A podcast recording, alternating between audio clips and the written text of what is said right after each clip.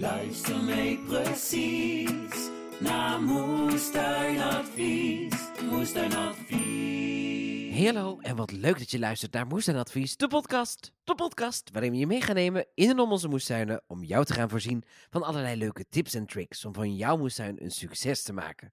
Mijn naam is Joris. Ik ben Ruud. Hoi Ruud, we zijn er weer. Ja, wel een beetje verkouden hoor ik. Ja, ik kan er niks aan doen. Nee, ik weet het, dat je Oh. er niks aan kan doen, maar ik hoor het wel hoor. Vroeger was ik altijd verkouden. Als je een foto van mij ziet in de winter, dan ben ik Altijd verkouden. Altijd een snotneus. Tegenwoordig is dat niet meer zo, maar ik heb het nu weer te pakken. Ik kan er niks aan doen. Ja, ik eh, heb het ook eh, een paar weken geleden gehad. Hè. Toen moest ik ook heel de tijd hoesten, maar toen had ik niet echt een verstopte neus. Ja, en ik heb het andersom. Jij hoeft niet te hoesten. Ik hoef niet te hoesten, gelukkig, want daar heb ik zo'n hekel aan. En ook als iemand anders hoest, heb ik heel vaak een Ja. hekel aan. Ik snap het. Maar ik ben wel een beetje kortademig. Sorry als je dat hoort. ja, eh, ik hoorde het zelf, ik hoorde het mezelf zeggen. En eh, ik eh, heb dus ook een beetje een verstopte neus. Ja, het is niet anders. We doen het er gewoon mee hè. Nee, daardoor klik ik anders. Maar goed, ik heb verder geen, geen tante C. Je, Dus dat je, is fijn. je klinkt wel een beetje zo als Octo. En ik klink altijd al een beetje zo.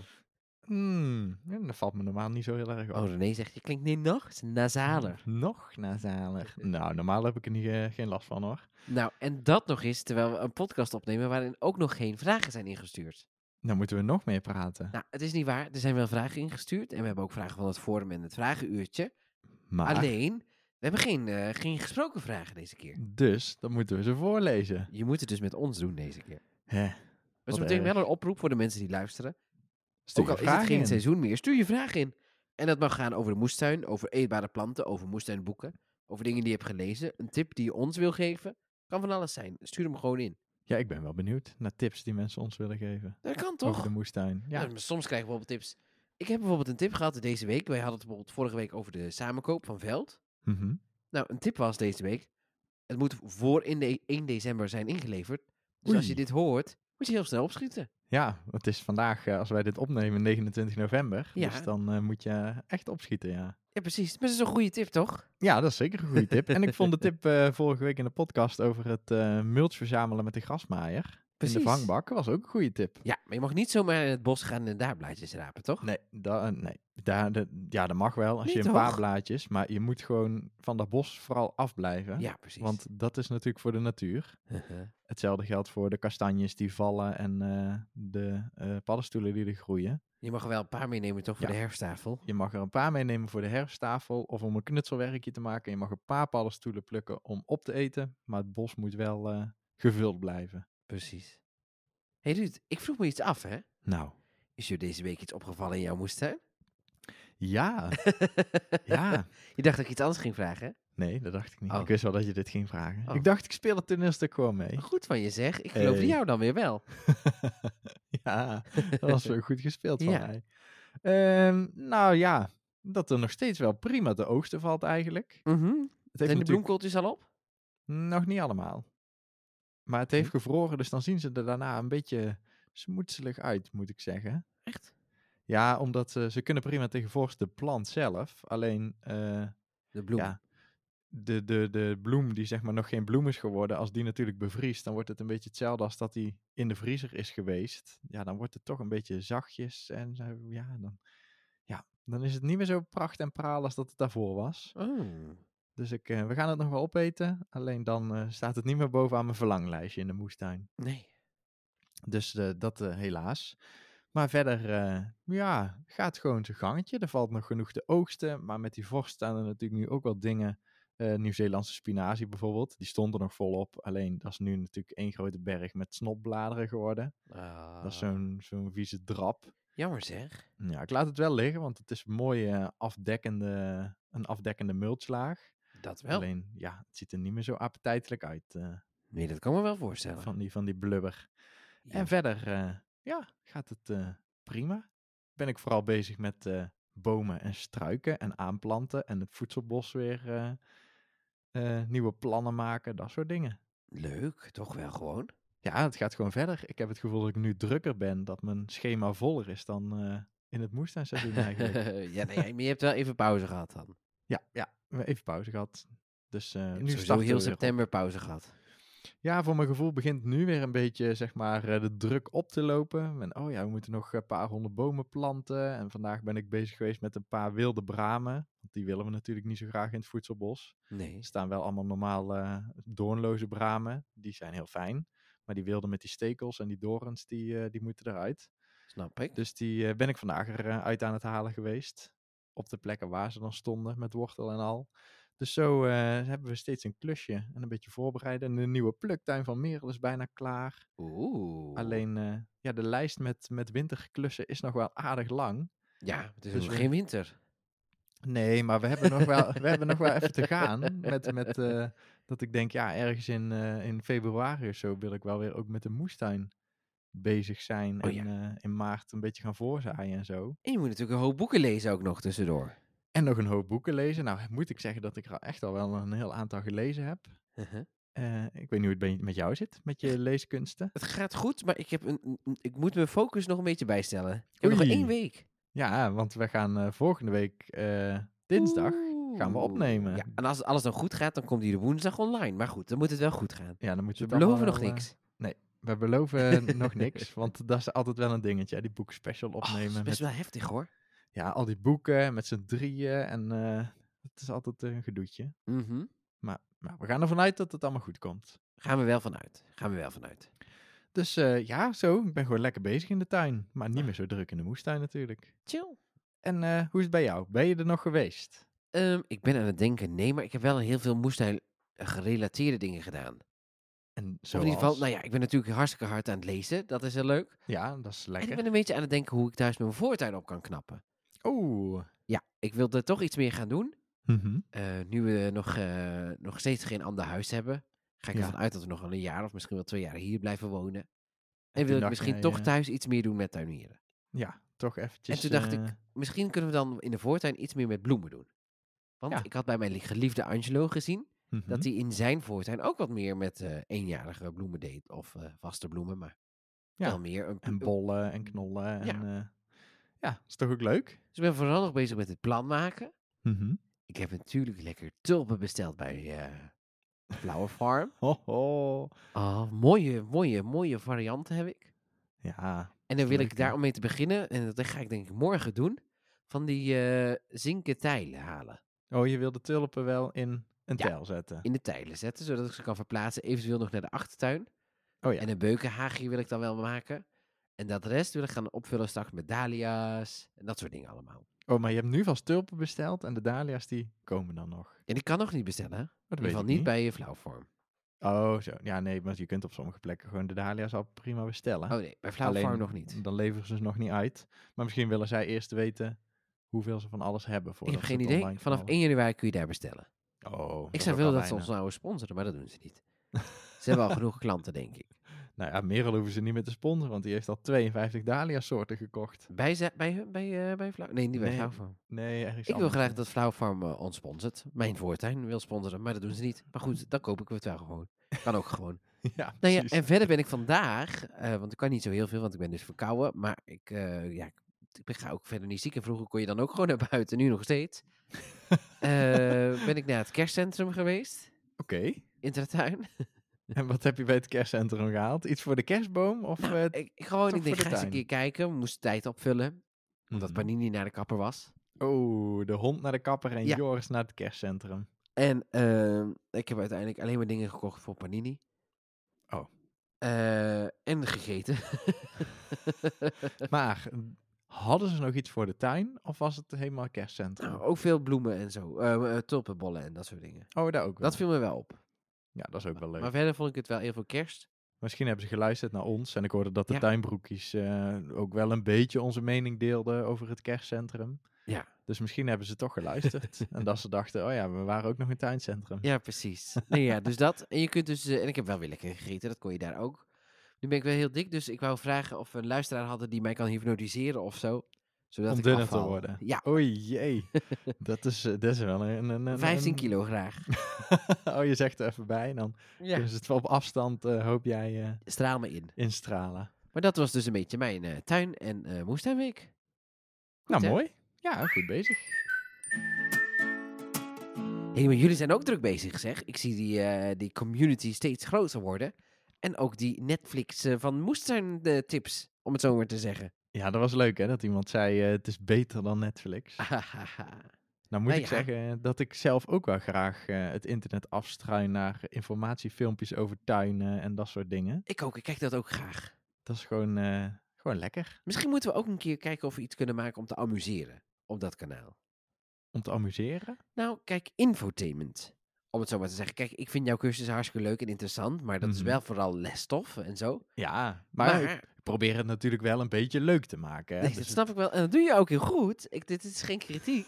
zo bedoel ik het helemaal niet. Maar zoals ik bijvoorbeeld heel graag kijk naar onze boerderij, Mhm. of dat soort dingen, zou het leuk zijn als je gewoon iets leuks hebt. Gewoon, net als bijvoorbeeld in de podcast naar Madame Sassa gaan, zou ik het leuk vinden als we gewoon een filmpje daarvan zouden zien. Jij zou graag een moestuinsoap zien.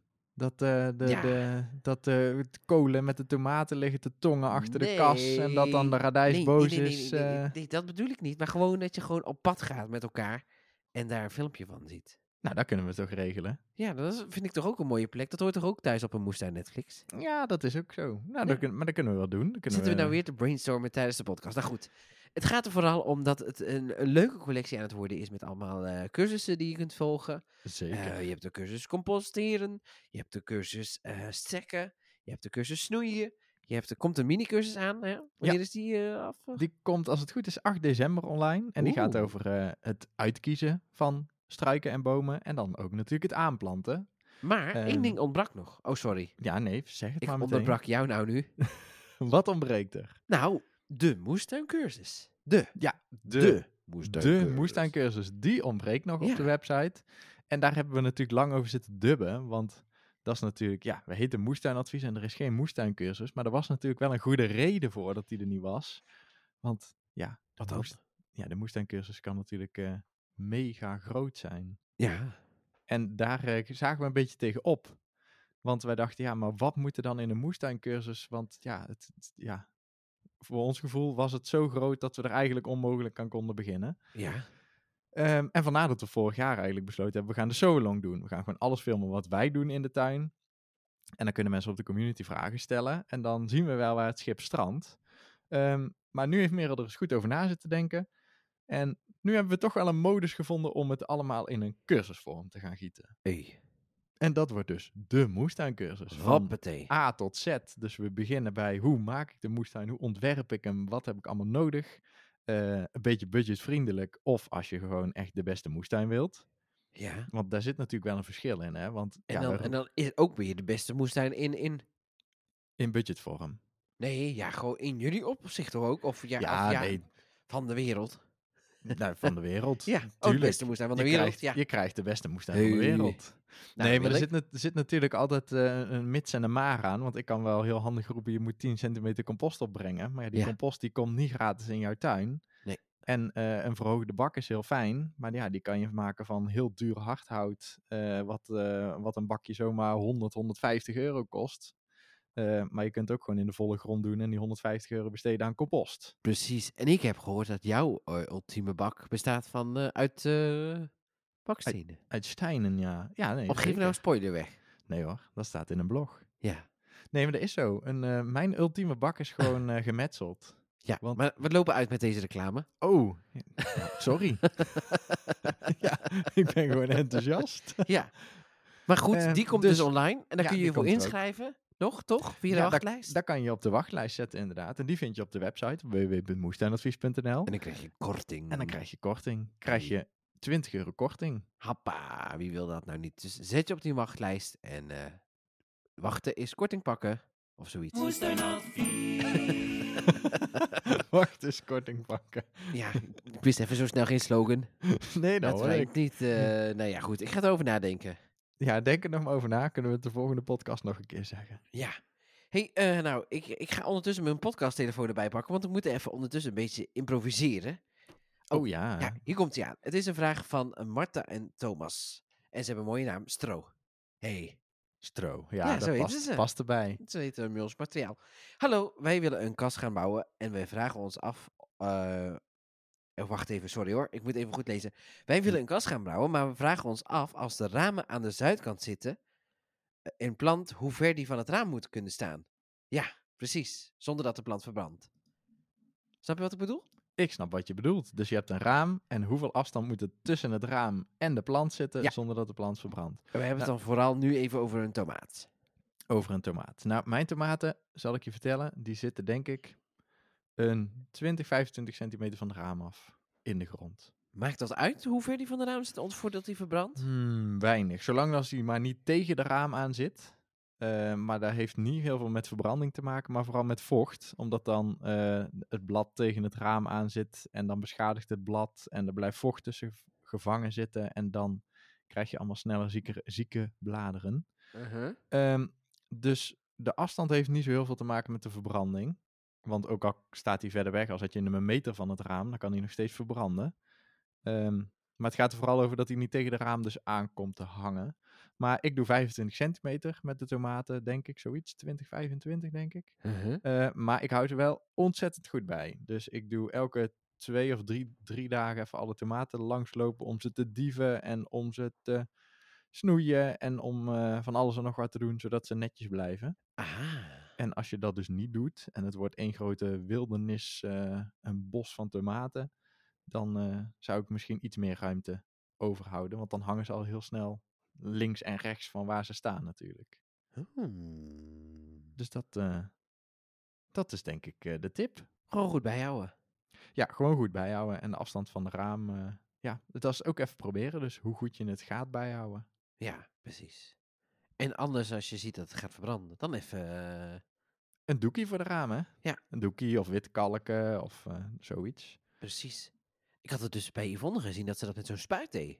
Ja, dat kan Dat mooi. gaat eigenlijk heel snel. Ja, het wit kalken. Dat, eh, ja, heel veel mensen doen het gewoon met een kwast. Hè? Gewoon zo'n blokkwast. Ja. Dan gaat het ook snel. Maar het kan inderdaad ook met zo'n spuit. Die hebben we ook één. Ziet er wel slordig uit dan, vond ik. Ja, het is niet zo mooi. Dus het is een beetje, ja, je blubbert het er echt op. En met een kwast kun je het wel gewoon redelijk netjes eh, erop kwasten. Alsof je gewoon een, een muur aan het En schilderen dat helpt bent. toch ook tegen het verbranden? Ja, dat helpt zeker tegen het verbranden. Daar is het vooral voor. Dat de kast niet te warm wordt en dat eh, de straling eh, omlaag gaat. Dus de directe zonlicht wordt minder.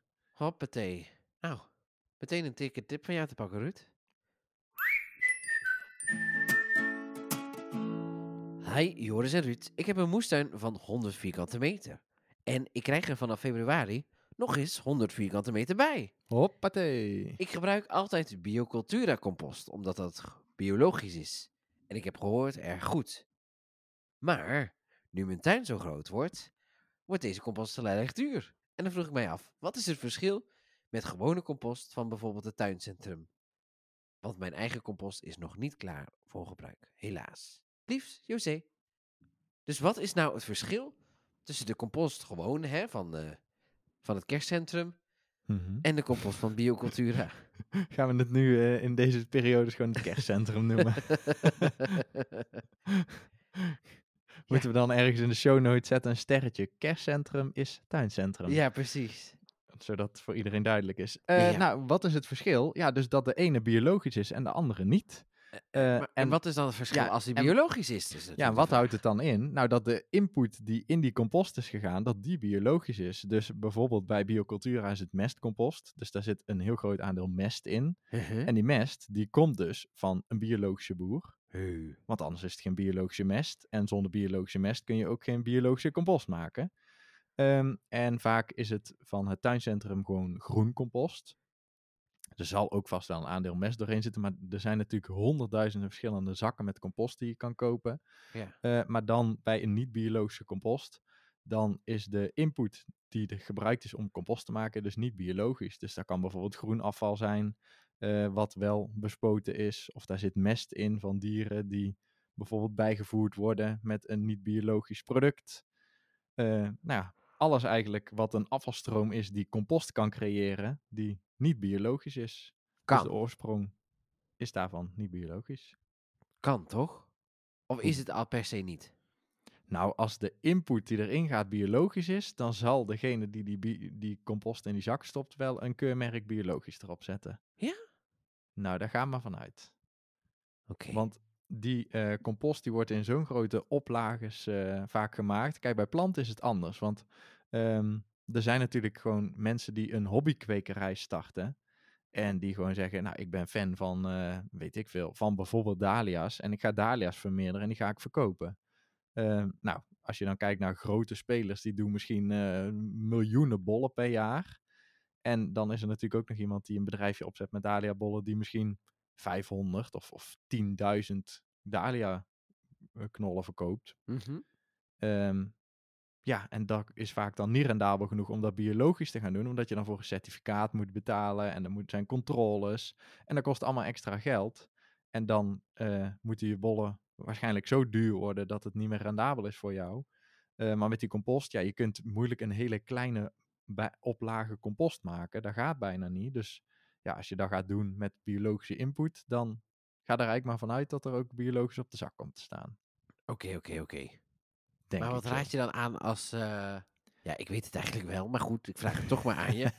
Wat raad je dan aan? Stel nou, die eh, biocultura is je te duur, wat ik me kan voorstellen. Dat kan ik me zeker voorstellen. Zou jij dan eh, bij het kerstcentrum eh, compost kopen of iets anders doen? Ik zou nog eens even lekker verder gaan kijken. ja, jij kon dit dan wel raden natuurlijk. Natuurlijk. Maar Biocultura is natuurlijk niet de enige biologische compost op de markt. Nee. Ze zijn wel heel goed in naamsbekendheid opbouwen. Dus Ja. iedereen kent het bijna. hey, En het is ook heel goed, eh, omdat ze het dus... Ja, ze zijn ook heel goed in de prijs, want ze zijn aan de prijs. Eh, maar ze zijn heel goed voor kleinere moestuintjes. Daar focussen ze, zeg maar, dat is ook hun markt. Omdat ze het verkopen in zakken. Ja, En de meeste eh, spelers die biologische compost maken, die zijn ooit begonnen bij ik maak het voor de biologische landbouw. Dus die maken gewoon kubes en kubes en kubes en tonnen.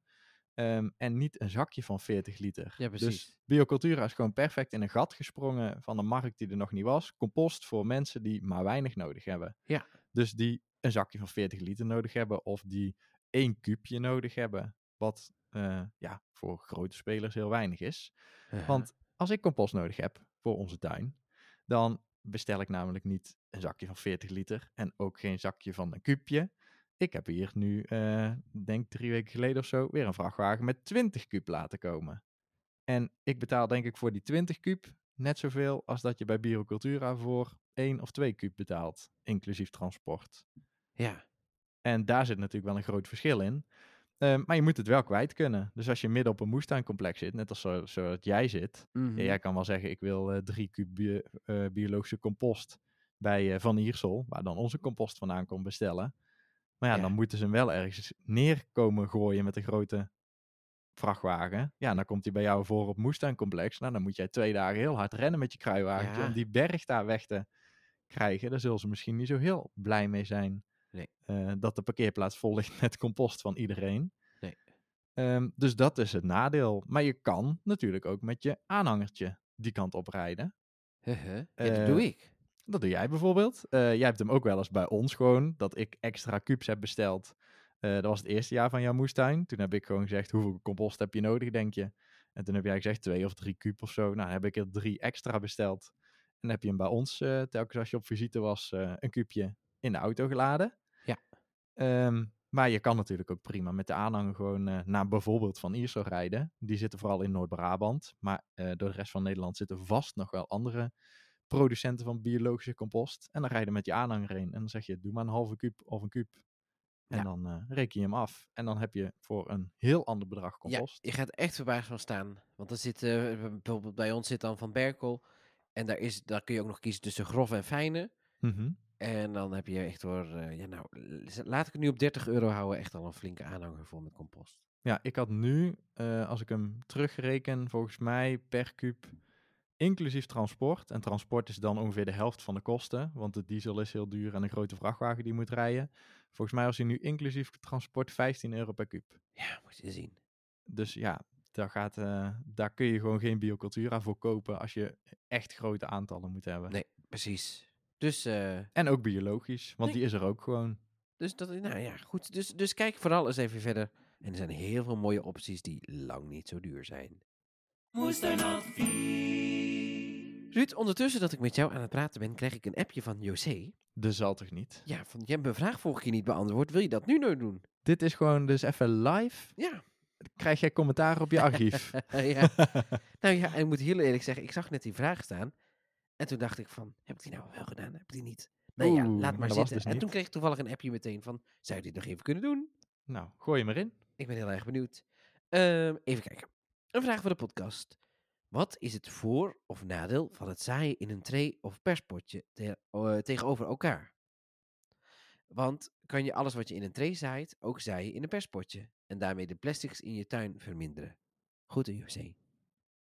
Ja, goede vraag. Ja, Nou dat vond ik ook. Plastic in je tuin, eh, nou, je plant natuurlijk niet die tray uit. Dus er komt niet effectief plastic in je tuin. Maar je moet natuurlijk Nee. wel plastic kopen omdat je die tray nodig hebt. Precies. En bij mij is hij dan wel weer een beetje zo dat hij zo, zo kreukelig is. Ja, die Ik kan me voorstellen dat hij iets loslaat. Ja, die goedkopere trays, die... Het eh, zal, eh, het zal verwaarloosbaar zijn. Maar Ja, nee, maar die goedkopere trays die echt eigenlijk maar voor één keer gebruikt zijn. Want die nemen wij wel eens mee als we potten gaan scoren. Dan liggen Ja. er allemaal van die trays. En dan denk ik, oh, dit is een handige maat. En ja, als ze gratis zijn, neem je ze toch maar mee.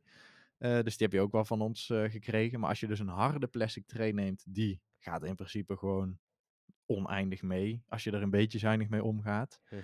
Eh, dus ja, dat is één keer aanschaf van plastic. En dan ben je er in principe heel, voor een lange tijd vanaf. Ja. Ehm, en een perspotje, dat is natuurlijk een, eh, een mooie andere optie. Want daarmee pers je eigenlijk met een, een toeltje. Dus vaak zijn die het, het ijzeren persjes. En Mhm. daarmee maak je een mengsel van een paar verschillende grondjes. Dus potgrond met, gemengd met compost bijvoorbeeld. En, eh, en wat brekersand. En daarmee pers je dan echt een potje. En dat is eigenlijk gewoon wat normaal in de tray zit. En dan heb je hem los omdat je hem geperst hebt. Dus er zit geen, eh, geen plastic buitenkantje omheen. En daar Ja. kan je dan ook in zaaien. Ja. Ehm, ja, dat, en dat wist José natuurlijk. dat wist ze. En zij vraagt natuurlijk, wat is dan het verschil? Nou ja, meneer, ik dacht, ik de verduidelijk het even ja. voor de mensen die Nee, het, eh, die nee, het niet heel goed, weten. heel goed, heel goed. Ehm, maar wat is het verschil? Was het voordeel, was het nadeel? Ehm, ja, er zitten natuurlijk wel enige voordelen aan, maar het maakt eigenlijk weinig uit wat je in welke optie zaait. Dus het gaat vooral om eh, de celgrootte bij trays, maar bij eh, perspotjes heb je ook groottes. Want je kunt hele kleine potjes persen van, eh, van een halve centimeter bij een halve centimeter. Maar je hebt ook potten persen die wel potjes kunnen persen van 7 bij 7. Ja. Ehm, dus ja, daar ligt het vooral aan. Hoe groot pers je het potje of hoe groot is je zaaitray, welk zaad er precies in kan. Eh, dus dat is bij allebei eigenlijk hetzelfde. Uh-huh. Het enige voordeel is dus dat ehm, met perspotjes, als je zaad daarin zaait en het groeit lekker, dat op een gegeven moment komt het worteltje natuurlijk aan de buitenkant van het perspotje. En daar komt hij in aanraking met lucht. En daardoor ja, groeit hij eigenlijk niet meer naar buiten. En zal hij vooral naar beneden groeien. Ehm, en groeit hij daarna over de bodem eigenlijk eh, uit het potje. Uh-huh. En ja, dat werkt dus heel goed. En in een zaaitree komt hij echt tegen de plastic zijkant. En gaan ze dus eerder eh, in een spiraaltje ronddraaien. Als je te laat bent met uitplanten. Ehm, En, en wat is fijner dan? nou, ik vind een perspotje daarin is beter. Beter voor de plant. ja. Je, en je kan eh, in principe beter zien hoe ver dat alles is. En ik vind een perspotje denk ik ook wel fijner. Want bij een zaaitree moet je hem echt eruit drukken. En een perspotje kan je zo uitplanten. Dus je pakt gewoon het potje met plantje erin en je plant hem uit. Alleen het nadeel van een perspotje maken is, het vergt wel enige kennis om een goed potje te persen. Eh, dus ik heb er wel een reel over gemaakt met, eh, met, met de samenstelling van de grond. Maar niet te dan hard nog persen, hè? Niet te hard persen. We hebben mijn potjes nog nooit Oh, gehad. Oké. Maar het, het is, je moet niet te hard persen. Je moet vooral ook niet te zacht persen, want dan komt het hier niet uit. Nee. Ehm, te veel of te weinig water. Want dat ligt natuurlijk ook aan hoe nat je grond is. Dus daar kan ik geen standaard iets voor geven van je moet een liter water toevoegen, want ieder grondje is anders. Mhm. Ehm, dus het is best wel lastig om een goed perspotje te maken. En soms dan, ik heb het ook nog wel eens ooit, dan heb je een batch gemaakt met die potjes. En dan staan ze een week, drogen ze uit en dan vallen ze uit elkaar. Omdat ze dus of niet goed genoeg geperst zijn, of het mengsel Ja. is niet helemaal goed. En met een zaaitree heb je dat gezeur gewoon nooit. Die vul je met grond, je zaait en je drukt hem eruit als het plantje groot genoeg is en je plant uit.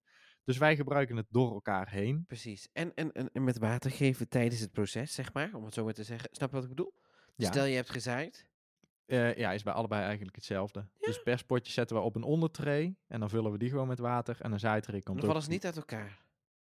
Nee, want als je goed geperst hebt, dan kun je dus gewoon onder, van onderaf water geven en dan zuigen ze het op. En dan vallen ze niet uit elkaar. Oeh. Dus dat, eh, dat kan met een perspotje precies hetzelfde als met een zaaitray.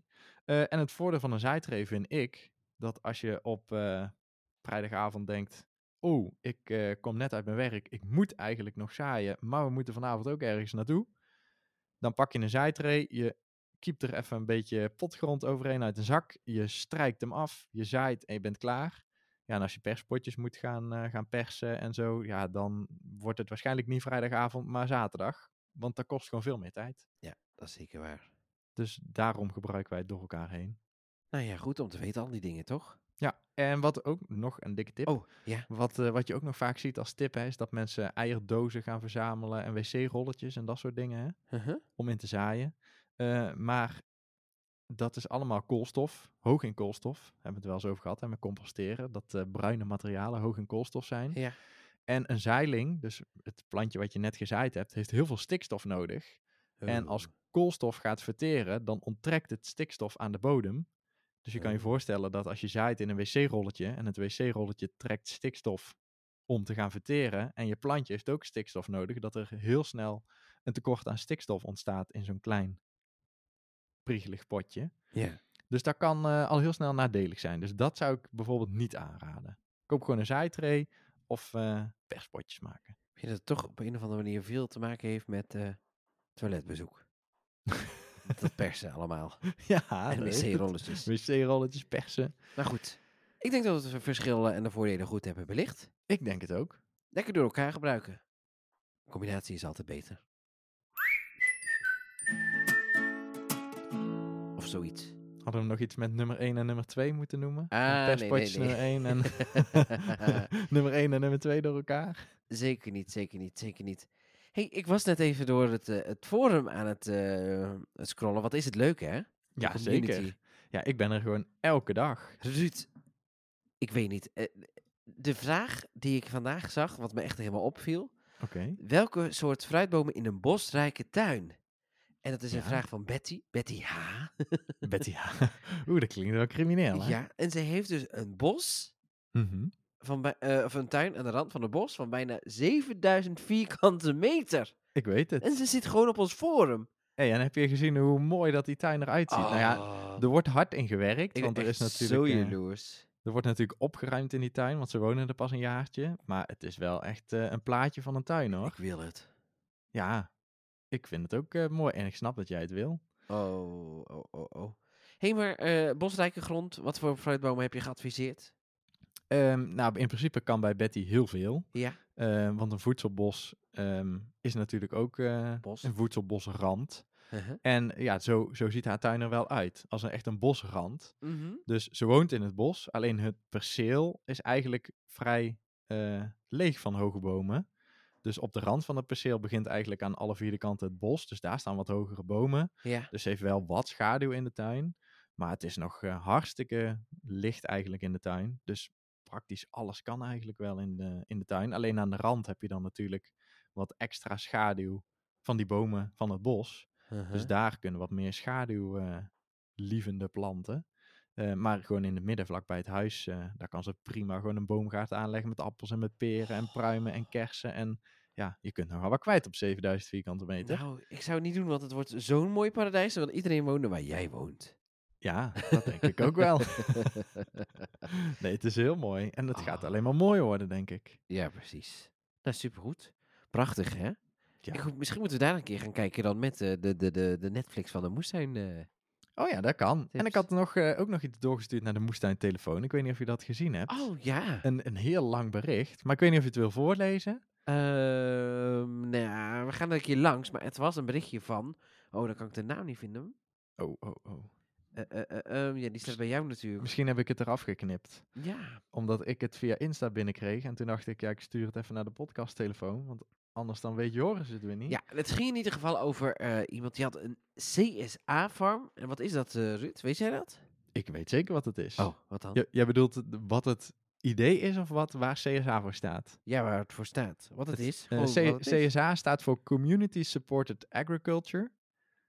Dus het is eigenlijk, ehm, staat het gewoon voor, eh, nou ja, moestuinieren, maar ook fruitbomen, dat soort dingen. Dus Uh-huh. alles wat te maken heeft met voedsel produceren. En dat is dan community supported. Dus zoals wij op de community elkaar supporten in kennis, Hey. eh, is dit een tuin die eigenlijk vol staat met fruit. En er kunnen, vaak lopen er ook wel dieren rond.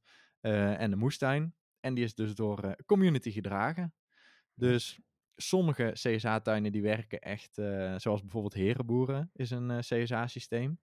Eh, en die werken met allemaal families. Die wonen in de buurt en die leggen met z'n allen geld in waarmee ze een boer betalen. En die boer doet dan het werk. Uh-huh. Dus die verbouwt groentes en al die families kunnen elke week hun pakket met groentes opkomen halen.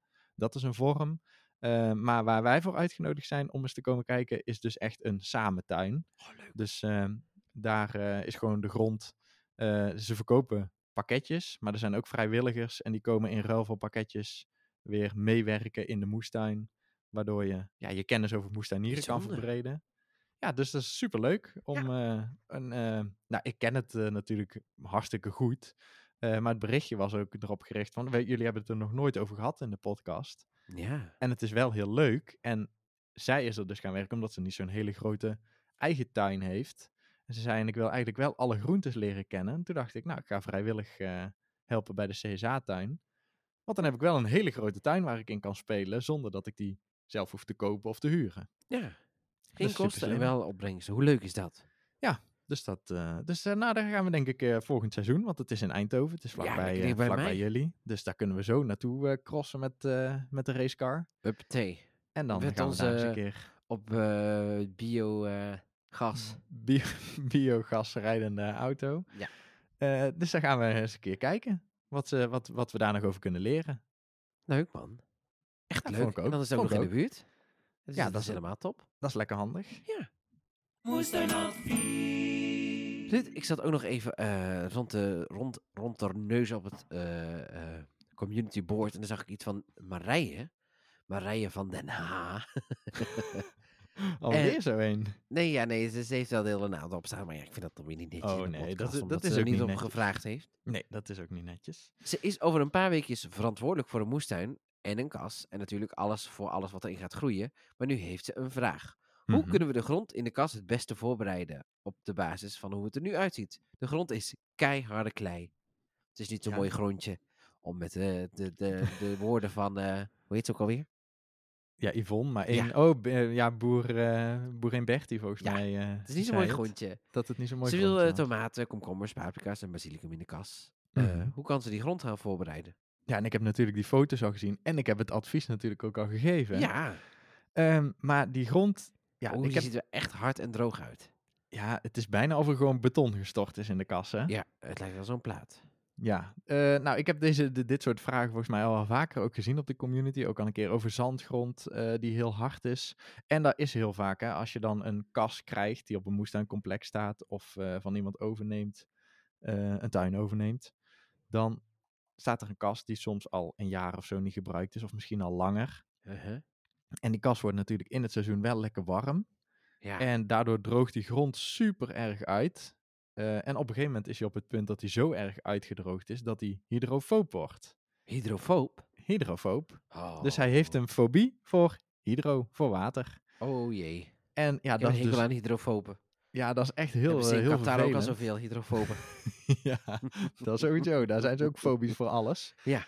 Eh, maar hydrofobe grond is echt super irritant. Want ja, die neemt dus geen water meer op. nee. En je ziet het soms wel eens eh, in je tuin. Dan is het vaak echt maar een, een bovenste laagje. Als je dan water gaat geven, zeker op zandgrond komt het eh, best wel snel voor. Dan giet je er eigenlijk met de gieter water over. En ga je met je vinger door de grond.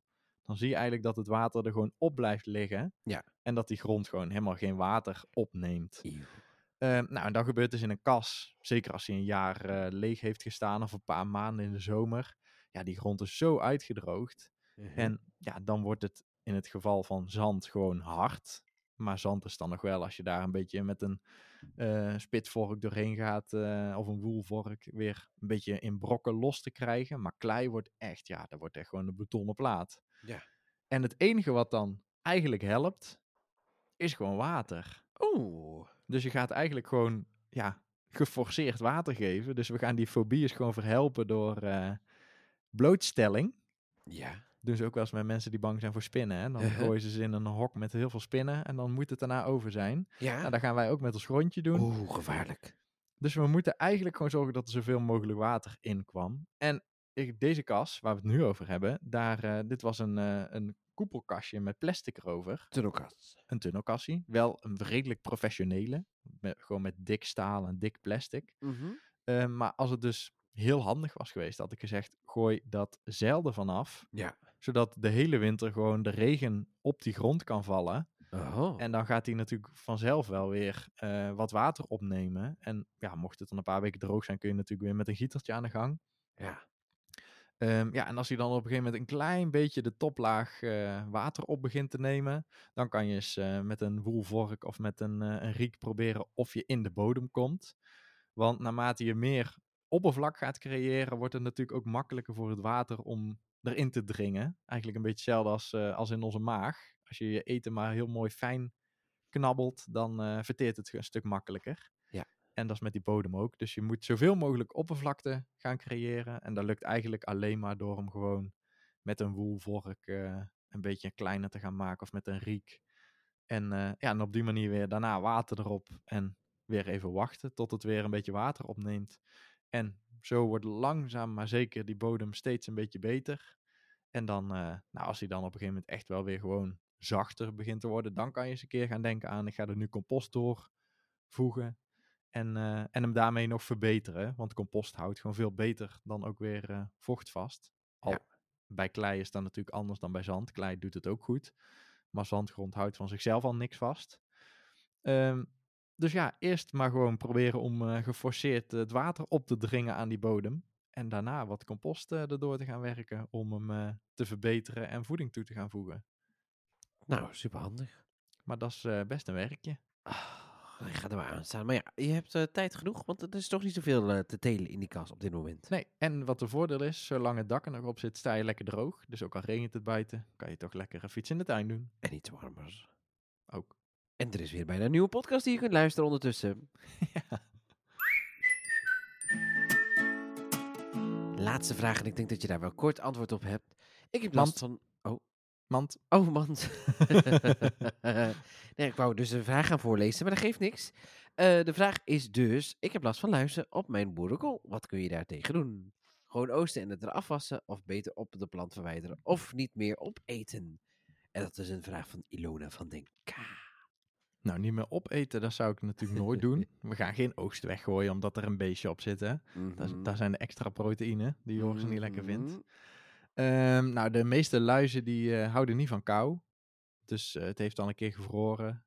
Dus naarmate het kouder wordt, eh, dan, ehm, dan planten ze zich niet zo snel meer voort. En uiteindelijk gaan ze ook allemaal wel het loodje leggen. Ja, Ja, dat is helemaal niet zielig. Dan ben je er tenminste vanaf. dat klopt. Ehm, dus als het nog veel warmer geweest zou zijn buiten, dan zou ik zeggen, eh, trek het luizenspreetje even uit de kast. Ehm, want dan kun je ze nog gewoon bestrijden, want anders wordt het alleen maar erger. En dan loopt het eh, steeds verder uit de hand. Want ja, dan blijven ze zich voortplanten, uitbreiden. En dan groeit je plant ook veel eh, langzamer. Maar nu, omdat het toch best wel koud is buiten, zou ik zeggen, ja, laat ze vooral een beetje zitten en hou het wel in de gaten. En wanneer je een paar bladeren oogst, dan spoel je ze gewoon eventjes netjes af. Als je ze mee naar binnen neemt onder de kraan, zijn die luizen er zo af. En dan eh, kan je het gewoon opeten. Huppatee. Zo makkelijk, hè? En als je zegt, ik wil wel extra proteïne, dan spoel je ze er niet af en dan gaan ze door de stamp. Mij om het even. Maar ik zou ze er gewoon even afspoelen ook. Dat zou ik ook doen. Gadverdamme. Moestuinadvies. Ik wil je dat toch helemaal niet? Hmm, ik ga dat een keer doen, denk ik. Oh nee, echt niet. Zeg ik, zeg ik het niet van tevoren. En dan zeg ik, nou, dit was lekker stampotje met extra luizenproteïne. Mm, ja, dat wil je helemaal niet. hey Ruud, we zijn dus weer door de vragen heen. En ik zou het heel erg leuk vinden als de mensen nog volop vragen gaan insturen. En dat mag dus over van alles zijn. En het mag ook een persoonlijke vraag zijn, toch? Ja, van mij wel. Van, ik, eh, eh, lieve Ruud, wat, eh, wat, als je, waar, voor welke groente mag je je s'nachts wakker maken? ik heb Of dat weinig... soort dingen. Ik zou, moet zeggen, ik heb weinig te verbergen. En als het hele persoonlijke vragen worden, dan zullen we misschien zeggen, deze slaan we over. Deze antwoord ik in privé tijd. In, eh, in een eh, privé podcast. Ja, maar over het algemeen mag je alles aan ons vragen. Hey, en stel nou dat je dat wil doen via een, eh een voiceberichtje, het allerliefst. Naar welk Mhm. nummer mag ik dat dan sturen? Dat mag naar 06 30 68 80 17. Hoppatee. En dan kom jij misschien wel gewoon met jouw stem in deze podcast. Zeker, zeker. hey, eh, ik ga weer druk eh, aan het lezen, Ruud. Ik zou zeggen, geef ons nog sterren op Spotify Oh, en op Apple leuk. Podcast. Ja, vijf sterren alleen, En hè? dan gaan wij lekker lezen. En Ja. dan eh, hoor je ons volgende week weer. Oeh, ik heb er zin in. En denk ik de week daarna of de week daarna in de boekenspecial. Tot volgende week. Tot volgende week. Precies naar Moestuinadvies. Moestuinadvies.